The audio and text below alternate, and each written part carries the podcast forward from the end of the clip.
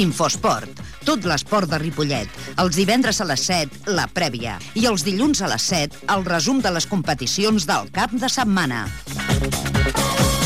Infosport segueix tots els clubs i atletes. La informació de l'esport de Ripollet a Ripollet Ràdio, amb Ramon Argenter. Jugues?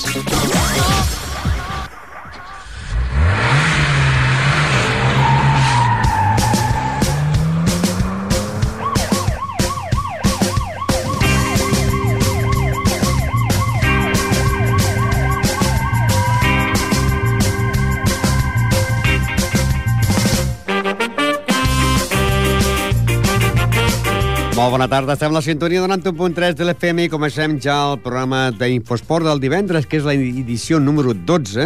A les vies de so, Fran Lledó i el que us parla Ramon Argentí. Recordeu que aquest programa també podeu sentir el dissabte a partir de les 10 de la matí, de 10 a 11.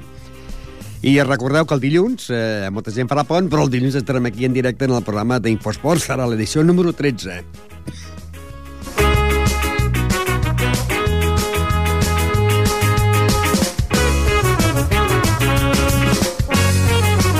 I aquest cap de setmana, doncs, hi ha moltes jornades de descans, perquè hi ha descans total del món del bàsquet, descans amb el tenis taula, però descans de lliga, però no de competició, perquè han d'anar a jugar a Alicant, el top nacional.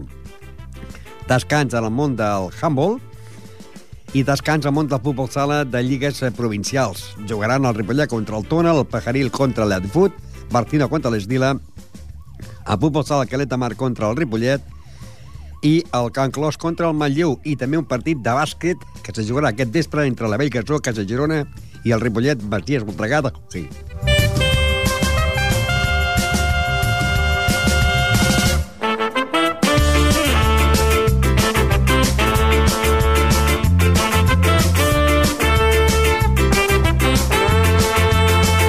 I com cada divendres i cada dilluns tindrem protagonistes, però començarem ja amb una notícia important, una important i sobretot pels clubs. Ha, hi ha 1.105 clubs, eh, entre ells 5 de Ripollet, que han estat premiats eh, Premi a la qualitat de l'Esport Federat Català del 2009 de la Secretaria General de l'Esport de la Generalitat de Catalunya. D'aquests 1.105 clubs, doncs, eh, 5 entitats són d'aquí, de Ripollet. Rebaran aquest premi, de, premi de la qualitat de l'esport federat català. Eh, anirem a donar doncs, les entitats de, de la que rebran d'aquesta subvenció, aquest premi com a subvenció, de petita escala a, a dalt. No? Per exemple, eh, l'Associació Esportiva eh, Escuela de Futbol Base Ripollet de Fut rebrà una subvenció de 1.442 euros, o un premi, més dit, un premi de 1.442 euros. El Club de Futbol Ripollet, 1.623 euros. El Ripollet Unió Atlètica, que és l'equip d'atletisme, 2.715 euros. El Club Patinatge Artístic de Ripollet, 4.421 euros. I el que rebrà, doncs, un total de 6.870 euros serà el Club Tenis Taula Ripollet, que ha considerat com a equip de primera categoria i tindrà aquesta subvenció d'aquest premi que otorga la Generalitat de Catalunya, la Secretaria General de l'Esport, que d'aquests 1.105 clubs, doncs entre ells són 5 de Ripollet, que rebran un total de 17.017 euros i que el que va tot el rècord és el Club Tenis Taula Ripollet, que rebrà aquesta subvenció eh, de 6.870 euros. Dit això, ja comencem amb el món de l'esport i comencem dintre d'aquest cap de setmana que jugaran a la categoria preferent a l'equip grup primer, el club de futbol Ripollet, que ho farà contra el Tona. Un Ripollet que ja sabeu que la setmana passada perdia a Vilassar de Dalt per 2 a 0, que el líder és l'Aigua Freda, que no punxa mai i que té 34 punts, que l'Olot és segon amb 29, que el Mollet ja ha passat a la tercera posició amb 25 punts, que el Ripollet és quart amb 23, amb 18 punts trobem el Palafrugell i el Tona, el Granollers, que és setè, té 17 punts. Amb 16 punts tenim el Vic, el Premià de Dalt, el Manresa i el Farners. El Vilassar de Dalt, 15 punts. El Lloreda, 11, i en zona de descens directe, el Sant Hilari amb 10 punts, el Sant Feliu amb 10 punts, el Palau de Plegamans amb 9, el Cerdanyola amb 9 punts i tanquen el número 18, també en zona de descens directe, el Canovelles amb 8 punts. Eh, anem a recordar, doncs, eh, el partit que el Ripollet va jugar la setmana passada eh, a Vilassar de Dalt, que va perdre per 2 a 0, va acabar amb 8 jugadors, i que ja estava el nostre company Miguel Molina, que li feia aquesta entrevista en el jugador Fran del club de futbol el Ripollet. Bueno, ha estado bien. Lo único, la primera parte hemos desaprovechado varias ocasiones de gol y nada, y la segunda parte se nos ha complicado con las expulsiones. Habéis perdonado mucho la primera, ¿verdad? Sí, sí, sí. Ellos el primer chute a puerta, que el primero y único, han marcado. Sí, a balón parado hemos tenido el fallo, pero bueno, pero las ocasiones que hemos tenido ha sido imperdonable, la y, verdad. Y la segunda parte, que habéis caído en un juego un poco tonto, ¿no? Para expulsar tres sin, sin violencia ni nada. Claro. Mira, cosas que pasan, pero bueno, eh, son expulsiones muy tontas, no sé. Teníamos que haber sido un poco más listos, creo Sí, yo. porque cuando mejor estáis jugando se expulsan a uno, sí. luego a dos y aún así sigues jugando bien, menos con tres ya que no se puede hacer nada. Claro, ya a lo último ya no podíamos hacer nada y ellos ya solos arriba pues han, han finalizado con otro gol y, y así hemos terminado. ¿Y cómo está la moral en el vestuario después de estos dos partidos? Bueno, regular, hay que animarnos entre nosotros y ya está, y seguir para adelante. ¿Crees que hay equipo para seguir luchando sí, por el puesto yo creo que arriba? sí, yo creo que sí, que hay ba bastante buen grupo y, y, nada, hay que seguir entre nosotros y animarnos y, y, ya veremos lo que pasa. La semana que viene el Tona, que, ¿cómo lo veis? Yo creo que podremos ganar en casa, hay que ganar ya y, y así... Salir de esta crisis, ¿no? Claro, y salir de esta crisis y nada, y creo que sí, que irá bien. Sobre todo que no pase como el año pasado, que tuvisteis un buen inicio y luego tres meses sin ganar ningún partido. Eso espero. Eso, eso, espero, eso espero que no pase lo mismo el año pasado, sí que es verdad, sí. Futbol, futbol. Home, l'any passat el Ripollet va guanyar els equips de dalt i va perdre amb els equips de baix. En aquest cas, eh, el Tona, el Tona que vindrà aquí a Ripollet, doncs ocupa la plaça número 6 amb 18 punts, amb un Ripollet que és quart a la Lliga amb 23 punts. També el nostre company eh, Miguel entrevistava el que havia sigut durant dues temporades anterior a, a l'ex-entrenador del Club de Futbol Ripollet, el senyor Toni Romero, que ara és l'actual eh, entrenador de l'equip del Vilassar Dalt, que estava, desitja tot el bo pel Ripollet, però que estava content també per haver guanyat el Ripollet, ja que el Ripollet, eh, en aquest partit que perdia, era el tercer partit que perdia. Anem a recordar a Toni Romero. Creo que el Ripollet sigue teniendo buenos jugadores, eh, está haciendo una buena labor, lo que pasa que, bueno, se han salido un poco del partido también un poco por el planteamiento nuestro de, bueno, yo sabía los dos jugadores importantes que tienen, que son los dos del medio campo, incluyendo con, con, el central y en este caso el punta que no jugaba, que era Cristóbal, pero el 9 también muy bien y yo creo que es un, un equipo muy compacto y bien trabajado. Que pasa que, bueno, también nosotros hemos usado nuestras armas con un equipo muy joven, pero muy joven y que nos ha, la inexperiencia nos ha basado la, el nerviosismo cuando éramos superior numérica y el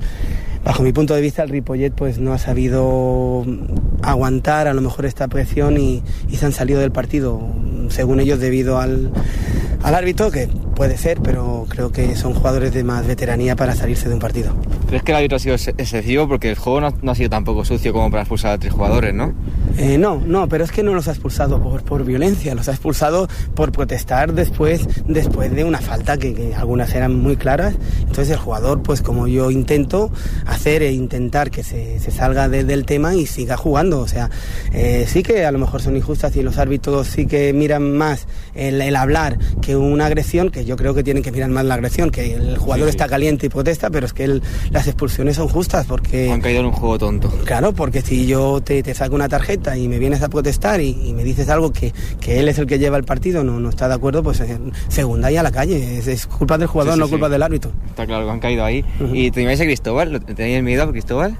¿El Ripollet? Muy buen jugador. Yo, a ver, miedo no tienes a nadie. A ver, total. Claro, nadie, todos son personas y nadie te va a hacer daño. El respeto en el juego deportivo, el miedo no, hombre, por favor. Entonces, bueno, tú trabajas toda la semana para, para cambiar un poco el sistema, que esta semana lo hemos cambiado, porque creímos que el Sardañola del Vallez, que jugó el mismo sistema, os hizo daño. Pues Joder. entonces hay que aprender de, de la gente que, que, le hace daño al, al, contrario. Y yo he intentado hacer lo mismo. ¿Y te gusta trabajar con gente joven, como me comentabas? O prefieres... Sí, no, no, no. Yo, yo me gusta trabajar con un equipo que haga lo que yo intento inculcarles, ¿no? Me da igual la edad, hombre, siempre, si el chaval es joven, pues siempre quiere ir para arriba, ¿no? Pero si es un, una persona ya curtida, mucho mejor si aporta. Así le pones tu estilo, que es lo que te gusta. Exacta, exactamente, exactamente. Y por último, saludos de Ramón Agente de Radio Ripollet. no, no, primero dir-li, se lo diré en catalán porque hablamos en catalán. Eh, Ramon, primer estava esperant la teva trucada aquesta setmana i com sempre la travessa que em feies fet. Llavors he vist que no l'he tingut, però de totes maneres eh, t'envio molts records meus eh, per l'any que he estat i el tracte que hem tingut molt personal, que per mi ha sigut molt satisfactori. Una abraçada molt gran des d'aquí de Vilassar que estem passant fred. Bueno, moltes gràcies i molta sort. I, que... i cuanto más arriba, mejor. Eh, yo espero y deseo, y lo digo de corazón, que el Ripollet este año no esté entre los dos primeros, quiere decir que por lo menos hará la promoción. Fútbol, fútbol. Doncs bé, era Miguel, eh, lo viste contento, ¿no? Al exentrenador del Ripollet. Además era amigo mío y nos llevamos muy bien, él y yo. I la Quiniela, pues no la vaig trucar perquè, esclar, jo el trucava quan era entrenador del Ripollet i tots dos anàvem a la una, no? Eh, el Ripollet el posava sempre guanyador, tant a casa com a fora. En aquest cas, la Quiniela que haguessin fet i haguessin fallat perquè, perquè una que ja no el truco, no l'he trucat més, no? I, eh, que, clar, que hi hagués posat victòria del Vilassar, jo hagués posat victòria del Ripollet, no? Un Ripollet, doncs, que, com dèiem, va quart a la Lliga i que aquest cap de setmana jugarà la jornada número 13, mal número. Esperem que la jornada número 13 el Ripollet guanyi. Eh, no es pot dir res perquè el Ripollet només ha perdut eh, tres equips. Tona jugarà contra el Vilassar, el Mollet contra l'Olot, el Palafrugell contra el Granollers, el Canovelles contra el Lloreda, el Sant Hilari contra el Farners, el Sant Feliu contra l'Aigua Freda, el Manresa contra el Vic, el Premià contra el Serranyola i el diumenge a les 12 el Ripollet contra el Tona. Recordeu, Ripollet és quart amb 23 punts i el Tona és sisè amb 18 punts. Un Tona que la setmana passada empatava a casa seva amb el Mollet amb un empat a 1 i un Ripollet que partia al camp de Vilassar amb 2 a 0. I si la setmana passada si la setmana passada hi havia el derbi entre la pell deportiva Pajaril i l'Esdila, o més, o Esdila Pajaril, perquè se jugava al camp de l'Esdila, que va guanyar el, la penya deportiva Pajaril per 0-7, aquest cap de setmana l'Esdila ho tindrà encara més difícil, perquè també jugarà un camp que és molt difícil, com és l'equip del Bartino, que ocupa en aquests moments la plaça número 8 amb 15 punts, un Bartino que va guanyar al camp del Roreda per 2 a 1. Però és que aquesta setmana, dissabte a partir de les 6 de la tarda, penya deportiva Pajaril, en el seu camp, contra l'equip de la de Fut. El Pajaril és líder amb 22 punts empatats amb el Júnior, que en té 22, el Llagosta 20, i la de Fut és quart amb 19. Anem a recordar les paraules dels dos entrenadors. El Javi Varela, entrenador de la penya deportiva Pajaril, deia que serà un partit molt maco. Bueno, serà un derbi maco, derbi de dos equips que estan a, que estan a dalt, que volen guanyar, que tenen amb el, el seu estil de, de futbol propi, no? Eh, la de FU és un molt bon equip, a mi m'agrada, és un equip que té molta empenta, eh, encara li falta coses, no?, d'aquesta experiència que parlaven sempre, no?, però bueno, és un equip que, que ho té molt ben, molt ben assumit, saben el paper que tenen, i això li afavoreix també, perquè no tenen a lo millor aquesta pressió com nosaltres, no?, i a més a més és el que et dic, té molts bons jugadors, té un bon entrenador, per de dir-ho, i tenen una, una mentalitat doncs de, de guanyar, perquè no hem d'oblidar que la mitja de l'equip és una edat molt jove que l'any passat ve de, de pujar de categoria, o sigui que saben el que és guanyar i saben el que és aconseguir un títol, no? Esperem que sigui un partit maco, que els dos equips juguin a lo que han de fer, a guanyar, i que ofereixin bueno, un espectacle molt bonic perquè tota la gent que vingui al camp, que segurament que serà molta, que es diverteixi, no? I t'esperaves a l'empat de la de fut eh, amb el Júnior, empat a un? bueno, sincerament, eh, sabia que la de fut és un equip que és capaç de guanyar a qualsevol equip. T'ho dic cada setmana, no? És un equip que jo el veig, el veig fotent i el júnior cada setmana eh, sí que ha sigut un líder al principi una mica sòlid, però de mica en mica també se'n se va enfonsant, no? perquè ara ja porta quatre empats i a més a més el camp de, el camp de, de la DFU doncs és un camp difícil. El júnior podia haver guanyat tranquil·lament, oportunitats va tindre, però també les va tindre la DFU i aleshores jo penso que el més just va ser aquest empat que van, que van treure. O sigui, tranquil·lament podíem empatar, com podíem haver perdre, com podíem guanyat. No és, no és ninguna diferència tan abismal d'equip d'una a l'altra. Doncs sort i que guanyin millor, com vam dir la setmana passada, perquè jugueu tots dos, dos equips de casa. Exactament, que guanyin millor. Futbol, futbol. L'altre entrenador rival serà en aquest cas a l'equip de, de l'Edfut, l'entrenador Xesco, que també li parlàvem de... Ja sabeu que no fa gaire hi va haver un partit que va jugar la de fut eh, contra l'equip del Nou Vallès i hi ha una lesió que van expulsar el porter de, de la penya, així que de l'Esdila, i li han caigut vuit partits i, clar, es veu que el porter està una miqueta desanimat. Això són les paraules que diu l'entrenador Xesco. Hombre, pues como es lógico, sí, está afectado. Pero bueno, entre todos los compañeros y yo estamos hablando con él y vamos a intentar que, suba la moral lo más posible. Bueno, y esta semana, como decíamos, la Peña Portilla Pajería, la de Foot, eh, otro gran partido, la que cambiaréis en táctica de juego. ¿Habéis estudiado la o, o, o qué? Hombre, sí, sí, te soy sincero, secretos no creo que haya muchos, porque a vernos nos hemos visto mucho los dos, tanto Javi, el entrenador del Pajaril, como yo, he visto al Pajaril y ellos nos han visto a nosotros, nos conocemos, lo que como conozco a Javi estoy seguro que me tendrá preparada alguna sorpresa. Y supongo que tú tampoco firmas el empate, ¿no? Hombre, no, de antemano no, yo no firmo el empate. Luego, según vaya el partido, pues posiblemente igual el empate sea bueno, pero de salida nosotros vamos a ir a ganar, que es nuestra obligación. Pues suerte y el sábado a partir de las 6 que sea un buen espectáculo entre dos equipos que estáis luchando por los primer- primeros lugares. Eh, la Peña que tiene 22 y vosotros que tenéis 19 puntos estáis ahí. Eh, en cualquier momento os ponéis poder, tanto líderes como en la segunda posición. Sí, por eso vamos a salir súper motivados, ¿no? Para intentar no despegarnos de, la- de los equipos de arriba y poder estar, cuando acabe la primera vuelta, lo más arriba posible. Futbol. Futbol. Doncs de moment estan a dalt de tot perquè la classificació en la jornada número 10 és eh, la Penya Partida Pajaril i el Júnior empatats a 22 punts, la Llagosta 20, Adefut 19, Mirasol 19, la Farga 18, Diagonal 17, Bartino 15, Roureda 13, amb 11 punts la Penya Blaugrana Sant Cugat de Vallès, el Santa Perpètua i el Sant Cugat. Eh, també tenim amb 9 punts la puntuació, a l'Esdila amb 8 punts, el Nou Vallès amb 2 i tanquen el lloc número 16 l'equip del Mollet del Vallès amb 0 punts. I aquesta setmana seria la jornada número 11, la Llagosta jugarà contra la Penya Blaugrana de Sant Cugat, el Sant Cugat contra la Fundació, la Farga contra el Roureda, el Júnior contra el Mirasol, el Santa Perpètua contra el Diagonal, el Mollet contra el Nou Vallès, el dissabte a les 6 de la tarda Bartino Estila i el dissabte a les 6 de la tarda Penya Partida Pajaril a De Fut. Futbol sala. Futbol sala. Futbol sala. I anem a recordar que la setmana passada el futbol sala de Ripollet doncs, eh, va perdre l'oportunitat de guanyar 3 punts perquè anava perdent el partit, però va empatar a 3 i quan faltaven 4 segons per acabar el partit, doncs 3 jugadors sols de cara a barraca, sense porter ni res, perquè el porter ja no, ja no hi era, estava de vacances, i eh, el jugador, en vez de xutar i la mirar a la porteria, doncs mira el marcador diu, encara tinc temps, xuta tan fort per poder marcar el gol i la pilota va anar fora i es va acabar el partit. Va acabar amb un empat a 3, amb gols de Sergio, de Fran i de Juanito. El Corbera és líder amb 30 punts, seguit del Vilassar de Mar amb 29, Barcelona 28, Hospitalet i la Unió de Santa Coloma de Gramenet amb 22. La Unió és un equip revelació aquesta temporada.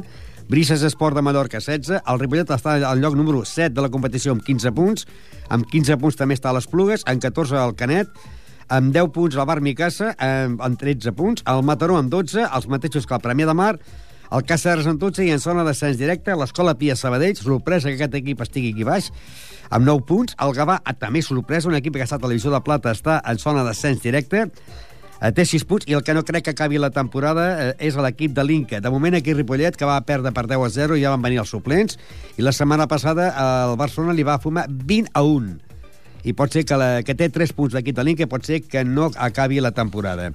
Hem de dir també que hi ha jornada de descans. Eh, el partit aquesta setmana seria eh, que jugarien a Canet de Mar, s'enfrontarien la jornada número 12, Inca, Bar Micasa, Hospitalet, Barcelona, Vilassar de Mar, Corbera, La Unió, Mataró, Esplugues, Escola Pia, Cacerres, Brises Esport i el dissabte a dos quarts de set de la tarda, Canet de Mar, Ripollet. Un Canet de Mar que si mirem la classificació, doncs el, el Canet de Mar està eh, ocupant una, una bona posició en, aquí, en, en aquest campionat. I a més, està en el lloc número 9 amb 14 punts. Un Canet de Mar que la setmana passada guanyaven a les Plugues per 8 a 6. El que tindrà jornada de descans serà l'equip del Ripollet D, que la setmana passada, a la categoria preferent grup tercer, va guanyar la pista del Pla del Llobregat per 3 a 4 en gols de Carlos, eh, un dos de Sergio i un d'Edgar, que líder és el Sant Feliu amb 25 punts, el Alella d'Hospitalet en té 18, els mateixos que el Cornellà, i a la quarta posició el Ripollet B en té 17. Sporting Prat 16, Castellà 15, Prat de Llobregat i Sant Coler 13, Xarxa 12, amb 10 punts Sant Just i Cervelló, amb 8 punts el Santa Perpètua i Llagostense, eh, amb 7 punts el Gornal Guadiana i en zona d'ascens directe el Castelldefels i la Penya Esplugues. Aquesta setmana té jornada de descans i no jugaria fins ja el dia 13, que jugaria contra l'equip del Santa Perpètua. El que sí jugarà serà la divisió de plata femenina, a l'equip del Can Clos, que la setmana passada doncs, eh, perdia eh, a la pista del líder, el Rubí, per 6 a 2, en gols de Celi i de Sònia. El líder és el Rubí, que en té 12, Vallirana 10, a Centelles 9, Esplugues 7, Ponis 6, Can Clos ocupa la plaça número 6 amb 5 punts, el Penyíscola en té 5, el Plànega 2 i en zona d'ascens directe el Masnou amb un punt i el Safranar amb 0 punts. I aquest cap de setmana s'enfrontarien el Vinaròs contra el Rubí, el Vinaròs que ara ha passat a ser el Penyíscola, el Plànega de Canàries contra la penya Andorra, que és la penya Esplugues, el Safranar de València contra el Masnou, el Vallirana contra els Ponis i el Can Clos contra el Manlleu, partit que jugaran a les 5 de la tarda. El Manlleu la setmana passada guanyava l'equip de Canàries per 4-1 el, i eh, jugarà el, contra el Manlleu, que serà que és tercera lliga amb 9 punts per un Can Clos que ocupa la plaça número 6 amb 5 punts. I el que tindrà jornada de descans serà a l'equip del Can Clos B que milita a la primera divisió nacional, després de que la setmana passada perdés a casa davant del Sant Just per 1 a 3. Líder, Cervera, 18 punts, seguit del Palau en 16, Arenys de Munt i Hospitalet i el Sant Just, 13. El Can Clos B està situat en lloc número 6 en 10 punts, els mateixos que la penya blanca i blava de Sant Andreu. El Teià, 8. El Centelles i la Penya Espluga, 7, amb 5 punts, el Sant Pedor i el Martorelles. En 13 punts, les Panteres Grogues, que tenen 3 punts, que són els únics punts que, que sent, són, són els que van guanyar aquí, el Can Clos, precisament, que van jugar un partit a la pista anexa i va guanyar aquests 3 punts l'equip del Panteres Grogues. I en el lloc número 14, l'equip del Provençalenc. Aquesta setmana el Can Clos B té jornada de descans i la pròxima jugaria a fora a la pista del Sant Pedor. Anem ara al món del hockey. Hockey. Hockey. Hockey. I anem a recordar que la setmana passada doncs, l'equip del Club Hockey Ripollet va jugar a Cornellà, van empatar 4 amb 3 gols de Pol Sicar i un de Carles Aixac, però que falta en aquest petit es va suspendre perquè jugava en un pavelló que no està cobert i a falta de 15 minuts l'àrbit va suspendre el partit perquè es va començar a ploure. A llavors aquest partit no sap quin dia jugarà, el Cornellà doncs, eh, i el Ripollet van empatar 4 i aquest cap de setmana eh, vindrà a jugar aquí el Macias Voltregà. Anem a recordar les paraules del seu, el seu entrenador, Josep Francesc, que deia que serà un partit difícil contra l'equip del Masies Voltregà. El Gama, sí, el Gama és el, el que va últim, que va ser on vam empatar nosaltres la setmana passada. És el que dic, que cada partit és, és una història diferent, no? I, bueno, doncs aquí a casa, de moment, només hem perdut, una, hem perdut un partit i hem empatat un altre. I, bueno, és el que dic jo, no? Que tots els partits s'han de jugar. I és una lliga bastant forta, no? Bastant, hi ha bastantes sorpreses, no? Sí, ara estem mirant que va primer al Congrés, després va, Bar va al Barcino, Masies i després la Salle, que no sé què, què ha fet aquesta setmana encara. És un... I nosaltres anem setents, però amb un partit menys que ens podríem posar a quarts. Ens podríem posar. I vosaltres sou un equip que heu marcat més gols a camp contrari que a casa. A casa sí. heu marcat 16 gols i a fora 29. Sí, sí, no, això vol dir que creem moltes ocasions de gol, això és la veritat, però que encara faiem molts gols de cara a porteria. Creem moltes ocasions per lo que són els resultats, però no, no ens acaba d'entrar doncs, eh, totes les que voldríem entrar. I a part de, de porters també som el tercer o el segon porter menys golejat del grup, eh, també i un, un Voltregà que en aquests moments doncs, eh, vindria aquí com a tercer amb 16 punts davant d'un Ripollet que ocupa la plaça número 7 amb 12 punts. Sí. Eh, seria importantíssim la victòria en aquest partit, no? no. Bueno, jo, jo us assumo 12 punts, que en teniu 11, ja us sumo al moment, al punt momentàniament que teniu d'aquest empat d'aquesta setmana. Sí, clar, que bueno, encara falten 15 minuts i en 15 minuts eh, compta que era un partit que era molt net, Uh, portàvem ja 10 minuts de la segona part i portàvem 8 i 6 faltes d'equip, que no havíem arribat ni a les 10 faltes d'equip. El que passa que vam tindre molta mala sort i ells van tindre 3 penals i van marcar els 3 penals. I en canvi nosaltres en vam fallar dos i una falta directa. I ara l'important és eh, no distanciar-se eh, del Masies i llavors estaríem en un punt del Masies perquè per pujar encara és d'hora per dir-ho, però aquest any hi ha modificacions o no? O, o es continua com altres anys? En primer i segon fan promocions o el primer puja directament? O... Mira, això fins als últims partits no se sap. Generalment sempre puja el primer, però hi ha, hi ha anys que el segon també puja. El que passa que nosaltres ho tenim bastant bé perquè el Congrés ja té un equip a primera catalana. Llavors, per tant, encara que és campió, aquesta plaça s'obre, no, no, podria, no podria pujar. No, aquesta plaça no, no hi compta. I després no sé si hi ha algun altre equip que té algun també a primera catalana que tampoc hi compta. El Barcino té equip? Barcino, Voltregà? El Barcino, el Barcino el Barcino crec que, que, que no té equip. Voltregà? Que... El Voltregà potser sí, la Garriga també no. La Garriga no, no, la Garriga no, i el Masies tampoc, eh?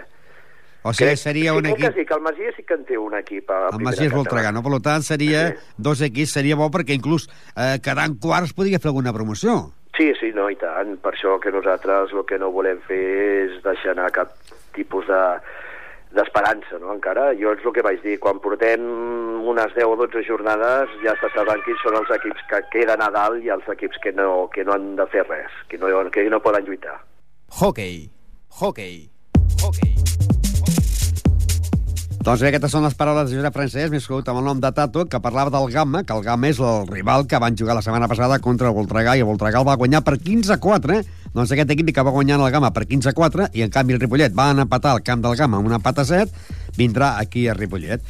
Líder Congrés, 21 punts, seguit del Martino en 18, amb 16 punts Voltregà i Fulgaroles. Amb 13 punts, la Garriga i la Salle. El Ripollet ocupa la plaça número 7 amb 12 punts. Jo li he sumat 12, eh, en té 11 oficialment. Però, esclar, jo li he sumat el punt momentani que té d'aquest empat de la setmana passada 4. Si aquest partit juguen i el guanya, sumarà dos punts més, però si perd li traurem un punt, no? Però al moment en té 12, no? Tona en té 11, Semanat 10, Mollet 9, eh, Cornellà 8, Tarradell 7, Sant Just eh, 3 i el Galma té un punt, un punt de l'únic punt que va aconseguir empatant amb el Ripollet a la seva pista. I aquesta setmana jugarien la Salle Fulgaroles, Sant Just Bartino, Gamma Congrés, Tarradell Voltregà i el dissabte a partir de les 7 de la tarda a la pista anexa Ripollet Voltregà, Masies Voltregà. Amb vol. Amb vol.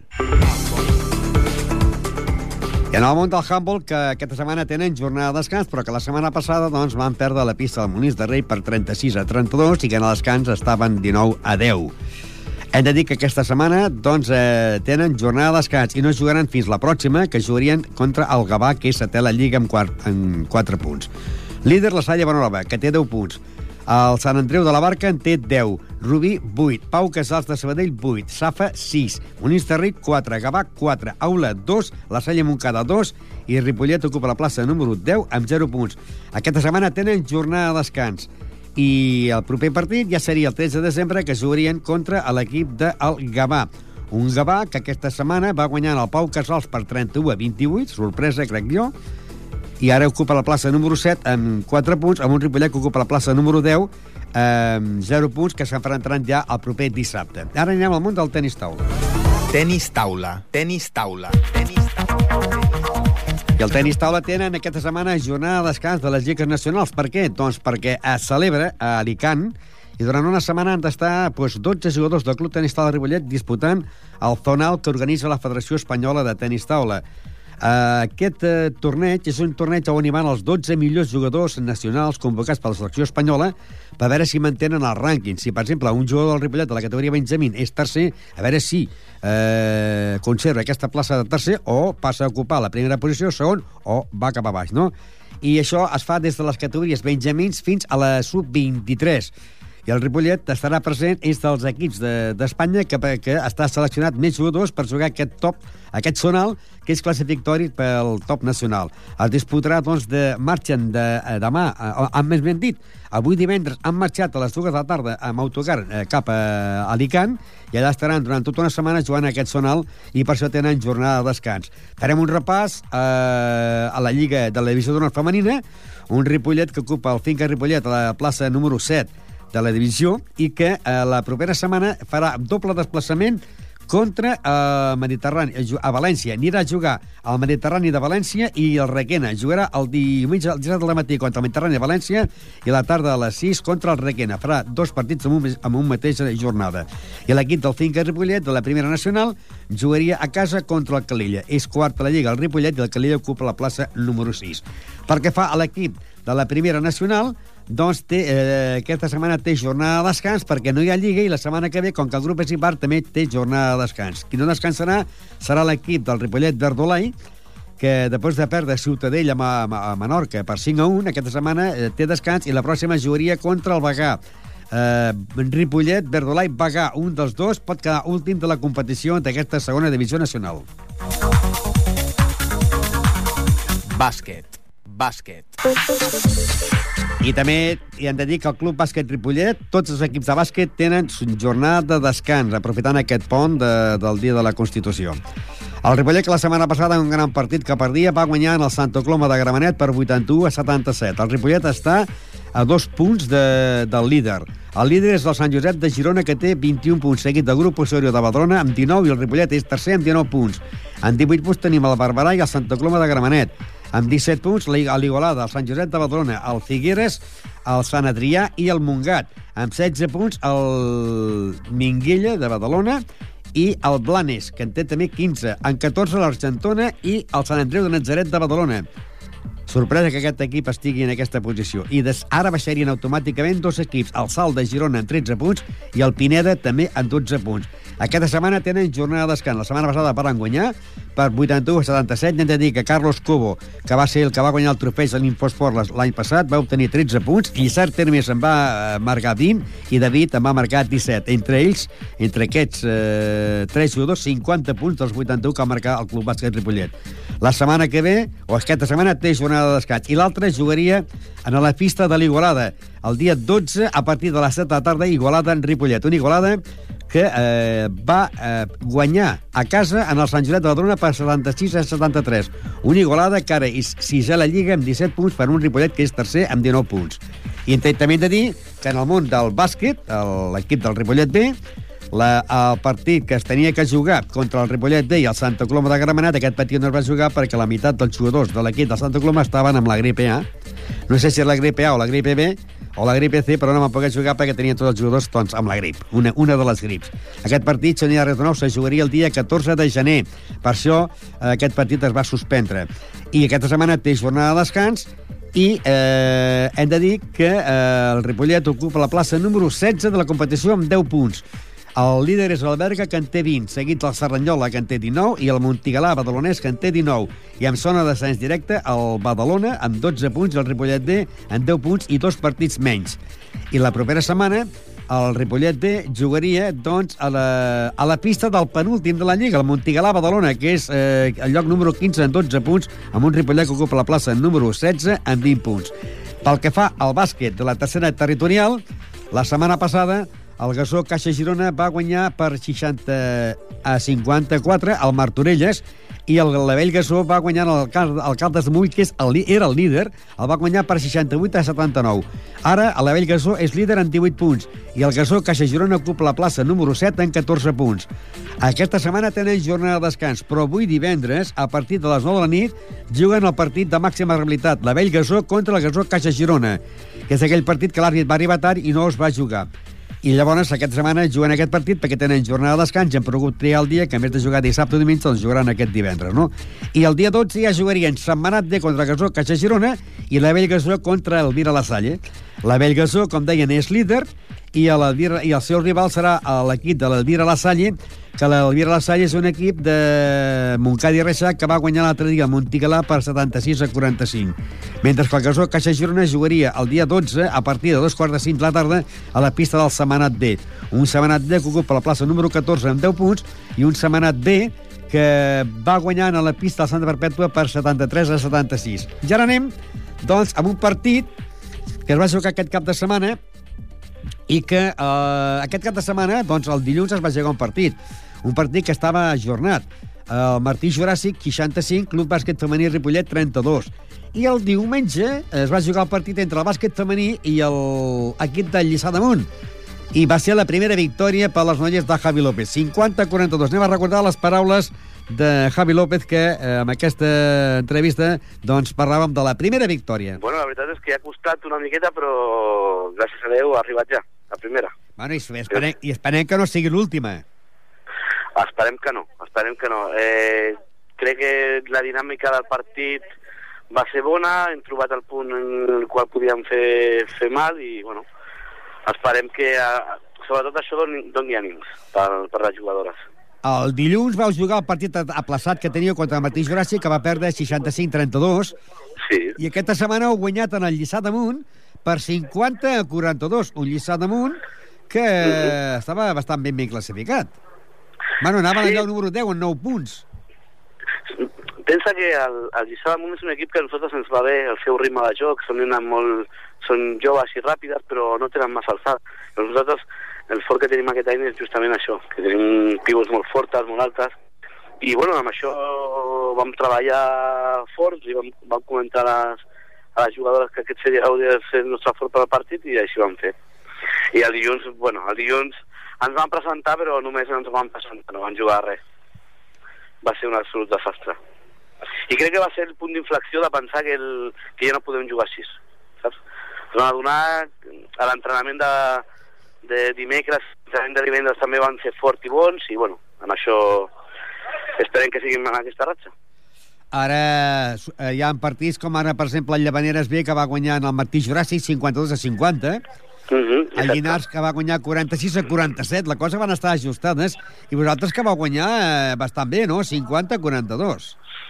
Sí, el partit se, va començar molt bé, i això va donar molt, molt d'ànims, encara que després es- se'ns van retallar el, el resultat i inclús al tercer quart es van posar 8 per davant, però jo crec que anàvem amb la confiança de saber que allà es podien fer punts en pocs minuts. La meva consigna abans de començar el partit va ser arribem a 50 punts, em dóna igual quan ens fiquem, però hem d'arribar a 50, i així tindrem algun partit guanyat. I bueno, mira, casualitats de la vida van fotre 50, justament i va guanyar el partit. Es sorprèn que el Llavaneres eh, ocupi la primera plaça amb 16 punts i el Ronçana segona amb 15? Mm, no, no per, perquè Ronçana és un any més gran, Roser, que és la seva capitana, la pivot, que mou tot l'equip, està, un, està una miqueta tocat aquest any del turmell, llavors no, encara no, no està en dinàmica forta, i de maneres l'hem vist jugar i és un equip fortíssim. És dir, jove, que corre, té alçada, té tiro, té una nena que maneja de base superbona i té una ala que, que a nosaltres va clavar triples i, bueno, grande, muy grande.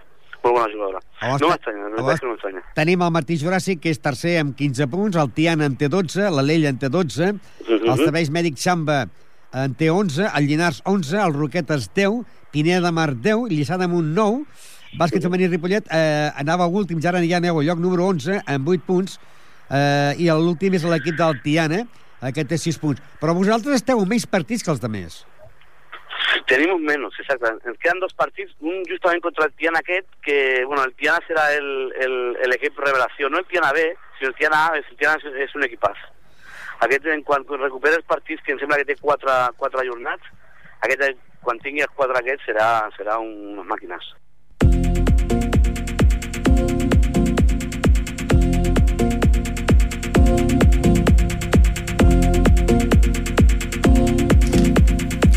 Les paraules de Javi López, que estava doncs, contentíssim perquè van obtenir la primera victòria. Com dèiem, eh, bàsquet femení Ripollet 50, Lliçà d'Amunt 42.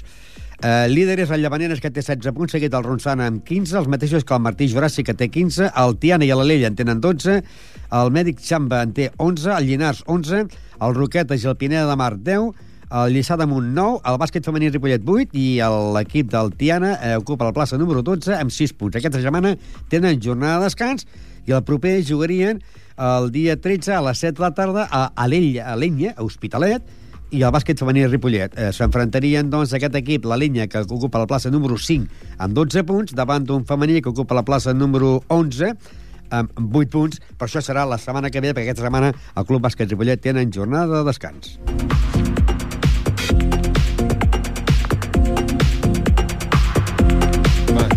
Continuem amb l'esport base. Ara tenim, doncs, eh, a Miguel y a Norma, que tenemos protagonistas, a Lluís Companys, Sí, al vez- Institut Lluís Companys. Esta vez hemos hecho mm, la liga esta de colegios que hacen aquí en Ripollet. Fue el sábado pasado, un buen madrugón que nos pegamos a las 9 de la mañana que hacía un frío. Bueno, y se notó ¿Ya estaban porque- puestas las calles a esta hora? Yo creo que las pusimos nosotros, porque Sí. un sábado... Los sábados, madre mía. Y encima que no había ni gente viendo el partido. Habían cuatro padres, que nunca había pasado eso. Mm. O sea, que los chicos agradecerían que fuera más gente a verlos, porque Los si no... padres estaban desayunando. Sí, sí, seguro. O O durmiendo. durmiendo. Y hemos hecho una pequeña introducción de cómo fue el partido. Vamos a escucharla. Buenos días y bienvenidos a la pista de fútbol sala del Instituto Lluís Companys en una mañana muy muy fría que seguro que nos amenizarán estos jóvenes con el espectáculo que vamos a ver. Pues seguro que sí, y es que se trata de un derby en el que se enfrentan Lluís Companys A contra el Lluís Companys B. Sí, sí, ha visto que uno de los dos equipos ha tenido que poner los petos, ¿no? Los locales, que son el B, son los que juegan con la indumentaria oficial, que es de color oscuro, mientras que los visitantes, que son los del A, son los que juegan con el peto naranja, que es muy llamativo, la verdad. ¿Y qué posición ocupan estos dos equipos en la clasificación? El Lluís Companys A es líder, mientras que el Lluís Companys B ocupa la segunda posición. Vaya, parece increíble que dos conjuntos de un mismo club compartan los dos primeros puestos, ¿no? Pues sí, bueno, y también muy, muy bueno para ellos. Bueno, parece que el partido va a comenzar, el árbitro se coloca en el centro del campo y Hay empieza córner a que va a sacar Sergio Vigara desde la esquina. chuta, hace un centro chute peligroso, raso y gol, gol, gol, gol, gol en propia, gol en propia del conjunto de Luis Companys B. Bueno, y así acaba la primera parte en el Luis Companys con una clara superioridad del primer equipo. Y es que en el campo hemos visto dos estilos muy distintos. El A ha sido el que tenía la iniciativa del juego y en todo momento en el que iba a atacar, mientras que el B es el que intentaba defender y salir en la contra. Es que es difícil, es difícil, Norma, cuando delante tienes a un equipo que ha ganado la Copa Cataluña hace tan solo seis meses. Bueno, sí, además este palmarés seguro que es el que debe asustar a los del B. Y eso hace que no jueguen como ellos saben jugar. Por cierto, hay que destacar también la actuación del portero del B, que aunque le hayan metido cinco goles en esta primera parte, se ha parado más de 15 balones clarísimos de gol, ¿eh? Y además, el defensa Mamadou, menudo todo. Este chico no lo tumba a nadie. Es como pasar por, la- por al lado de una roca. Pasas con el balón contra al lado, al lado suyo y ni se mueve, ni se inmuta. Pero eso sí, has perdido el balón y él sigue de pie como si nada. Bueno, hombre, Madu quizás sea el que tiene el mejor palmarés del, del filial del Luis Companys, ¿no? Porque hace dos años ganó la Liga de la Federación Catalana de Fútbol. Bueno, y no hay tiempo para más en este descanso. Empieza la segunda parte. Sacan los de peto. Jonay para Sergio. Sergio retrasa a Fran. Fran para Javi. Javi chuta y gol, gol, gol. Anda, que, que cómo empieza esta segunda parte también. Empiezan tal y como acaban la primera. Sí, empieza muy Acaba fuerte. la segunda parte y el sufrimiento, no solo de los, de los- del conjunto del B, sino de nosotros dos que estamos aquí pasando un frío en un muro que está bien congeladito. Sí. Y el resultado sigue favoreciendo a los de siempre. A Luis Compansa, que ha acabado 9 a 0. Bueno, de todos modos, creo que hay que felicitar al B, que ha tenido un comportamiento magnífico durante todo el encuentro y que además ha tenido sus ocasiones. Ninguna gol, pero lo ha intentado. Sí, sí, como comentábamos antes, yo creo que el miedo les ha podido. Si hubieran salido a jugar como salen en otros encuentros, el resultado no hubiera sido el mismo. Bueno, y puede que hubieran perdido el partido igualmente, pero no por 9 a 0. Es que la, si nombramos uno por uno, asusta a cualquiera. Mira, Alberto, Sergio, Fran, Jonay, Javi y Emerson subieron a primera con el Club de Fútbol Ripollet hace tan solo dos años. Sí, después de este ascenso, el San Gabriel, que es un conjunto de Barcelona, ¿no? Se llevó a tres jugadores. Así es, el San Gabriel fichó a Jonay, Fran y Sergio para que jugaran en División de Honor, que es la máxima categoría que existe en el fútbol para esa edad, para los 12 años. Mm, Bueno, a mí me ha gustado mucho Alberto. ¿Cómo es que no se lo llevaron? Pues esto la verdad es que nunca lo entendí, porque es el corazón del equipo. Es ese hombre que siempre da la fuerza que todos necesitan para salir adelante cuando el marcador está en contra. Ahora porque han ido a favor y no han tenido problemas, no ha hecho mucha falta, pero si Mm. hubieran tenido un partido más igualado se notaría. Bueno, con todo y con esto acaba todo 9 a 0 y ahora vamos a hablar con los protagonistas del partido. Menos mal que empezáis a las 9 y fue 9 a 0. Si empezaron a las 12 hubiera sido 12 a 0, ¿no? Sí, sí. Seguro que al día siguiente, en vez de hablar del Barça Madrid en el colegio, hablaron del partido este. Sí, seguro. Tenemos más protagonistas. Sí, bueno, eh, bueno, recordamos que era un derby que jugaban el Luis Companys A contra el Luis Companys B y el primero al que, que escucharemos es Ricardo Moreno, que es el entrenador del Luis Companys A, que es el equipo ganador por nueve goles y nos explica que ha sido un partido un poco fácil. A ver qué nos dice. Pues un poquito fácil, Bueno, fácil ¿por qué? porque eh, han sabido jugar y no nos han creado muchos problemas. A pesar de haber ganado, ¿qué es que tenéis algo por mejorar? Sí, hay bastantes aspectos que hay que mejorar. ¿Cómo jugar? Pues jugar un poquito más en equipo y la circulación de balón, ¿Y cuál crees que es vuestro punto fuerte? pues la definición, ¿Y el débil? El jugar en equipo, porque quieren lucirse, cada uno hace la suya y tienen que aprender a jugar en equipo. ¿Cuántos años llevas entrenando? Dos, este segundo. ¿Siempre al mismo equipo? Sí. ¿Y qué les dices a los chavales cuando van, bueno, o cómo les animas si van perdiendo o si van ganando? Pues nada, eh, bueno, intentando que animarlo, que lo hagan lo mejor posible y ya está. Tampoco le puedes exigir algo que no, que no pueden hacer.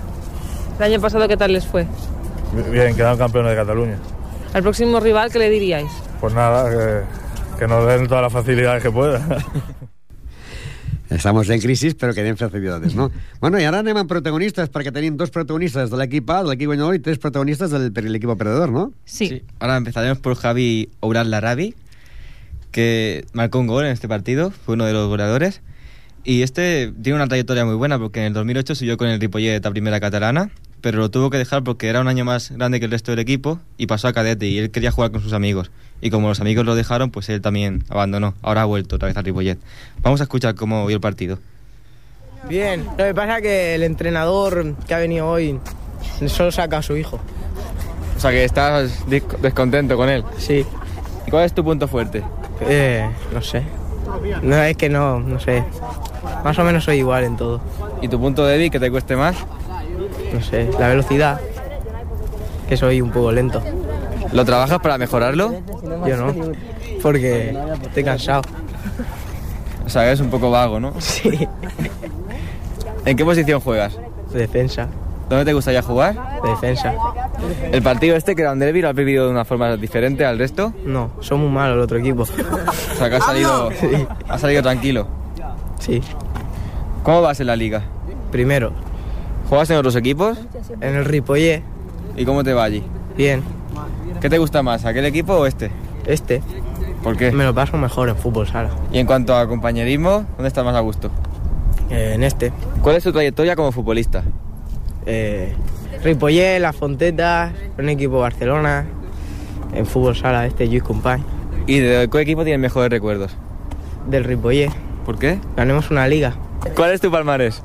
Una liga de fútbol 11 y do- dos ligas de fútbol. No, una de fútbol sala y una final de Un Cataluña. viaje a un hotel de regalo. La ¿Y Copa Cataluña. La final de Cataluña, que estabais muy nerviosos. Un poco. ¿Cómo fue? ¿Nos puedes contar un poco? El, el primer año fue un poco difícil, pero el segundo, eh, como eran un año menos, más pequeños, pues era más fácil. ¿Y la final, que había más nervios, más afición? No, porque lo mismo que el primer partido. O sea, que viene poca gente a veros, ¿no? Sí, los padres. ¿Qué le diríais a la gente para que venga aquí un, domingo, un sábado a las 9 de la mañana a veros? Que va a haber espectáculo. ¿Y al próximo rival qué le dirías? Nada, que va a perder. Bueno, ahora escucharemos a Alberto Muñoz, que ya estuvo aquí el año pasado también. Y es capitán del Ripollet. Aparte de jugar en el Youth Company, es capitán del Ripollet. Juega a fútbol y a fútbol sala. Sí, sí. Y también juega con el Javi en Ripollet. Después nos comentaba que tenía un partido contra la Planada en segunda catalana y empezaron ganando con gol de Alberto, pero remontaron y al final acabaron 2 a 4. Perdieron también con el fútbol. Vamos a ver qué opina eh, Alberto Muñoz del partido de fútbol sala. Bastante bien. Han podido jugar mejor el otro equipo, pero. Pero bueno, ¿qué se va a hacer? ¿Lo has visto muy fácil o...? Bastante, bastante fácil. ¿Y qué errores habéis cometido pese a ganar 9-0? Mm, que no hemos confiado mucho, que, no, que podíamos haber tocado mucho más y haber metido mucho más goles. ¿Cuál es tu punto débil? El regate. ¿Y el fuerte? El chute. ¿Trabajas para mejorar el punto débil, el regate? Sí, mm, bastante. ¿Cómo lo haces? Pues eh, los entrenamientos, intentando mejorar regate y aprendiendo más. ¿En qué posición juegas aquí en Fútbol Sala? Delantero o defensa. Vamos rotando. ¿Y dónde te gustaría jugar? Me da igual, las dos son iguales. Vamos, como vamos rotando, vamos subiendo y bajando. ¿Cómo es que hoy has acabado de, has acabado de portero? Porque el otro portero ha tenido que ir. ¿Y a ti te gusta ser portero? Bueno, la semana, la semana pasada también jugué. ¿También sin guantes como esta? Sí. ¿Y no te da miedo un balonazo ahí con el frío que hace? No, no me da miedo nada. Eh, este partido ha sido un derby. ¿Lo has vivido de una forma diferente a un partido normal de liga? Bast- bueno, sí, pero porque son compañeros del colegio, para chincharnos después. Luego el, el lunes, vez de hablar de Barça Madrid, que hablaréis de, del partido de No, hoy o qué? hombre, no. hablaremos del Barça Madrid, pero también hablaremos del nuestro para reírnos de los otros. Hay mucho pique luego en el patio y... Bueno, no mucho, pero nos reímos de, la- de los compañeros. ¿Cómo vais en la liga? Primero. ¿Y juegas en otros equipos? En el Ripollet. ¿Y allí qué tal va? Bastante Este bien, vamos mejorando, hombre. Llevamos dos victorias seguidas. ¿Cómo vais allí? Octavos. Octavos a cinco puntos del líder. ¿De qué juegas tú? De medio o de delantero a veces. ¿Cuál es tu trayectoria como futbolista? Nos comentabas que juegas aquí y en el Ripollet, Juego en el. Ripollet y del fútbol sala. ¿Desde que naciste en el Ripollet? Sí. ¿Y Llevo de ya- fútbol sala cuándo empezaste?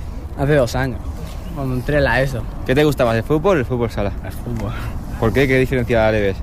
Porque, ya- porque puedo correr más y me puedo ir más fácilmente de los jugadores. Aquí es más difícil, tenemos que tocar mucho y es muy pequeño el, campo. Aquí se usa más el regate, ¿no? Que hay menos, menos distancia. ¿Cuál es tu palmarés? En fútbol y en fútbol sala, ¿eh? Mm, una liga en fútbol y ot- otra liga o- otra liga y un cuarto puesto en Cataluña en fútbol sala. ¿Estás contento con el entrenador? Bueno, hoy hemos tenido el otro, pero eh, el que tenemos sí, porque ya ha tenido que entrenar al otro equipo que no tenía el entrenador. ¿Y qué le dirías al próximo rival en fútbol sala? Pues que vamos a ganar. ¿Y al de esta tarde en el Ripollet? ¿Contra quién jugáis? La planada. ¿Qué les dirías? Que vamos, que aunque vayan peor que nosotros, va- vamos a ir a ganar y para las siguientes jornadas iremos más Bueno, y hemos escuchado ya a Ricardo Moreno, Javi Obat y Alberto Muñoz, que eran los protagonistas del Lluís Companys A, que el equipo que ganó. Y ahora vamos a escuchar a... Bueno, los protagonistas que quedan son los del Lluís Companys B, que Los es el que equipo perdieron. que perdió. Sí. Y el primero que escucharemos será Ibrahim El Asowi, que es el número 3 del jugador, bueno, del equipo este que digo, del B. Y nos, es- nos resume de así como ha visto el partido. Pues ha sido impresionante porque el equipo es muy malo. El equipo es muy malo. Y, y el, pues nada, que hemos jugado muy bien, pero el, el equipo es muy malo. Hablar bueno, ¿no? Todos son buenos. Ya, eso, eso, que el equipo ese es bueno y son más grandes.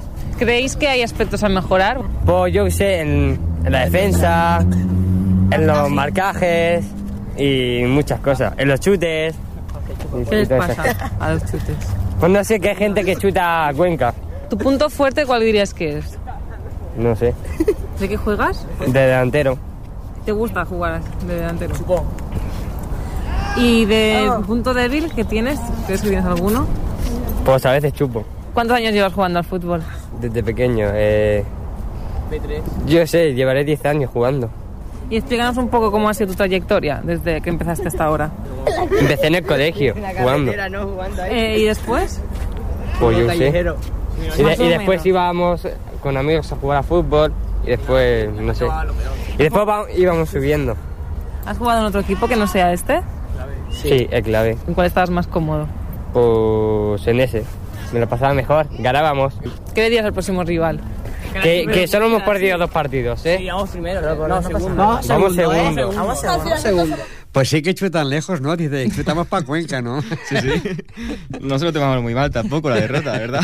Ya se acaban a cero goles. Pero tampoco van tan mal, van segundos en liga. Yo pensaba que iban peor, pero van bien. Ahora escucharemos a otro que tampoco le sentó muy mal perder, a Gerard Chawi, que nos va a contar cómo vio el partido también. Que hemos jugado bien, pero lo, ten- lo hemos tenido muy difícil, que el otro equipo tiene más potencia que nosotros y son más buenos que nosotros. ¿Y entonces qué creéis que tenéis que mejorar vosotros para ser más o menos? La táctica, el físico, el juego en equipo, ¿Tú de qué juegas? delantero, ¿Y cuál es tu punto fuerte? no sé. El chute me parece, ¿Cuántos años llevas jugando al fútbol? desde los 5 años, ¿Cuántos años tienes ahora? 14. ¿Y más o menos cómo ha ido?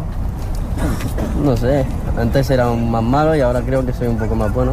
Jugaba, jugaba en el Ripo, he jugado en, el cole, he jugado en otro equipo en Barbará y ahora estoy aquí.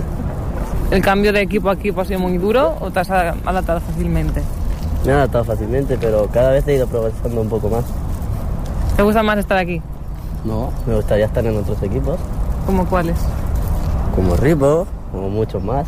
¿Con el próximo partido contra quién es? No sabemos aún. Pero igualmente, ¿qué les dirías? Nos dejen ganar. Os van a dejar. Pues deja de ganar, claro. Después de perder 9 a 0. Lo que yo no sé es que se dice que se quiere ir a Ripollet, que por qué no se va, ¿no? A probar, que tampoco le van a echar para atrás, que le falta gente. Claro que no. Bueno. Y por último escuchamos a Cristian Estepa, que es el dorsal número 2 del Lluís Companys B, y que nos cuenta por qué le ha salido tan mal en este partido. Muy mal, porque nosotros estamos muy descontrolados, porque ellos tienen más velocidad, más ataque, tienen mejor chute y nosotros pues tenemos que ir mejorando ca- cada día más. ¿Qué aspectos tenéis que mejorar? Uh, el chute, las marcas, la velocidad. ¿Tú de qué juegas? Delantero y defensa, las dos cosas. ¿Y cuál te gusta más? Delantero. ¿Por qué? Porque me gusta marcar goles. El ¿Cuál dirías que es tu punto fuerte? Uh, no sé, la velocidad, ¿Y el débil? el regate. ¿Que entrenáis, bueno, entrenáis para mejorar eso? Sí, los, jue- los martes o jueves entrenamos aquí entre todos, hacemos partidillos, regateamos, chutamos, mejorando. ¿Qué te parece tu entrenador? Fua, Pues que como cada día tenemos uno, no sabemos. Pero bien, porque o uno viene uno o viene otro, porque como el Juan, eh, nuestro entrenador, tiene a ellos también, tiene a muchos equipos, pues cada día tenemos uno. ¿Y eso también nos descontrola un poco? Un poco sí, porque cada uno dice una, una cosa. O sea que peor Sí. tener muchos que... ¿Y que cómo es jugar contra el mismo club? Bueno, Pues yo he jugado mal, porque hacía mucho frío y estaba congelado, no podía ni correr ni nada, no me podía ni mover. Y jugar contra bueno el mismo equipo pero otra el, contra el A o contra el B, digo que esto más o menos es del mismo equipo. Sí, esto es un cachondeo, porque ellos son más buenos. esto no tenía que ser justo, hombre.